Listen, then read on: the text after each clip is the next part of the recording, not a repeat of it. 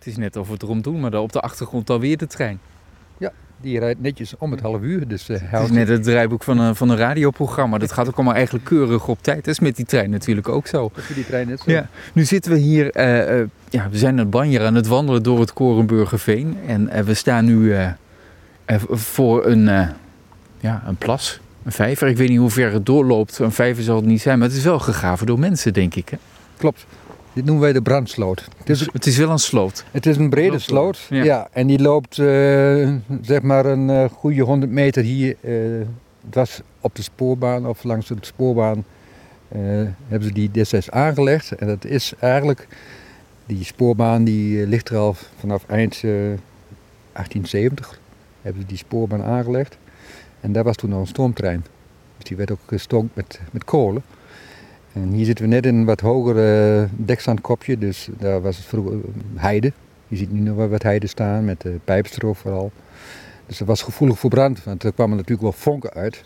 En die brandsloot, de naam zegt het al, daar kon men water uithalen, mocht er weer eens een brandje komen. Dus, en deze is ook, buiten dat hij nu geen functie meer heeft, omdat we niet meer met stoomtreinen rijden, heeft hij nu eigenlijk een hele belangrijke functie voor libellen want zijn hoofdveengebied is eigenlijk heel belangrijk voor libellensoorten.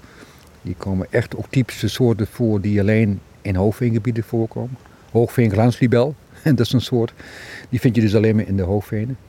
Maar dit zijn wel heel belangrijke wateren voor eh, een aantal van die soorten om zeg maar, zich voor te planten. We zien daar in de verte een roofvogel waarbij ik me afvraag, is dat dan die slechtvalk van eerder? Maar dat laten we toch even zitten. Want we zijn hier vanwege die kraanvogels. En net terwijl we aan het wandelen waren, bedacht ik mij van eigenlijk ik snap die kraanvogels niet. Want die gaan dan hier naartoe. En dan denk je, dit is een plek waar helemaal niet zoveel voedsel te vinden is. Dus waarom zoeken kraanvogels juist dit soort plekken op? Dat is puur vanwege de veiligheid. Ze, zijn dus gebonden. Het zijn hele grote vogels, hè. Uh, hadden we het net al over. En die zoeken uit, uh, uit, uh, uitermate natte gebieden op, omdat ze daar veilig zitten voor predatie. En dat kan. Puur alleen maar om te ontkomen aan roofdieren, roofvogels, en uh, ja, eventueel zelfs mensen wat dat werkt. Maar... Ja, maar vooral predatoren, dus uh, dan heb ik het over die bodempredatoren. Dus uh, matter, steenmatter, boommatter, vos. Ja. En die, daarom zoeken ze juist die, die nette plekken op voor het voedsel. Want het is een heel schraal milieu, het hoofdveen is zuur.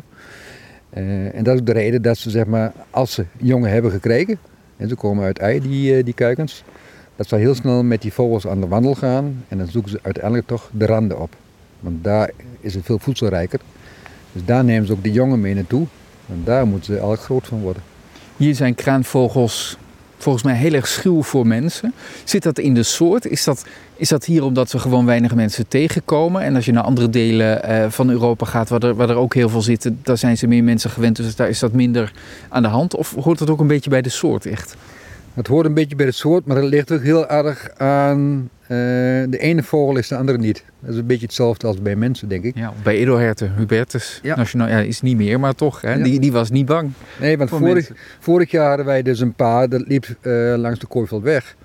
Nou, die liep soms uh, 20, 30 meter vanaf het fietspad. En ook dat mensen daar langs fietsen, die stoorden zich daar niet aan. Terwijl het, het andere paar, wat aan de noordkant zat, die was veel schuwer. Dus dat ligt ook een beetje aan, uh, aan het individu, zeg maar. Ja, precies. We hebben ze niet gezien vanochtend, de kraanvogels. Wel een boel andere dingen gezien uh, die, die mega interessant zijn. En het is hier sowieso prachtig om te mogen wandelen.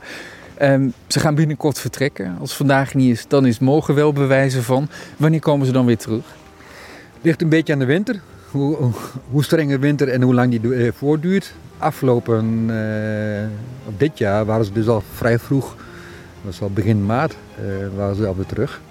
En je hebt inderdaad, oktober is vaak het, uh, het seizoen dat ze gaan uh, migreren. En als je kans hebt, zeker met oostenwind, dan komt het ook vaak hier over, langs de grens, over de Achterhoek.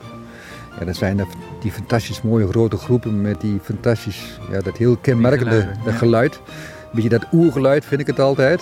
Ja, dat is altijd enorm te zien. En in het voorjaar vaak is dat ook in die periode van maart uh, die hele grote groepen weer terugkomen. Ik zet hem in de agenda. Dankjewel voor een mooie ochtend. Graag gedaan.